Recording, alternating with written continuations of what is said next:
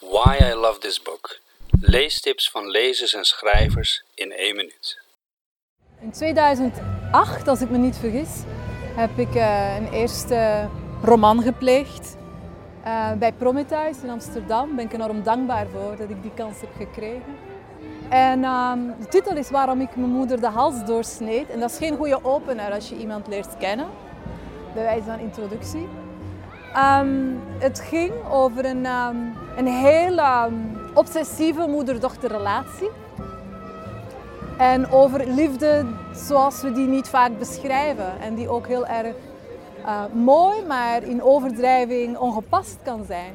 En ook daar heb ik naar stijlvorm gezocht die,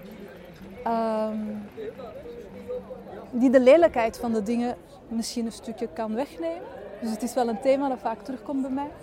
Ik schreef het vanuit een drang en ik heb niet nagedacht hoe de mensen zouden reageren, nog hoe het boek eruit zou zien. Dus ik ben heel dwaas aan het boek begonnen. Ik had eerst tien pagina's geschreven. Het ging over een klein monster dat geen benen en armen had. Heel basic, uh, heel weinig literair. En dan uiteindelijk is er een boek van gekomen. Um, als ik nu terugkijk naar het werk, denk ik, enkele heel mooie passages, Nadia, well done. Uh, maar je moet nog wat dieper gaan. Maar je moet nog wat meer ademen. En uh, je moet jezelf en personages meer ruimte geven. En dat is nu voor mijn volgende boek.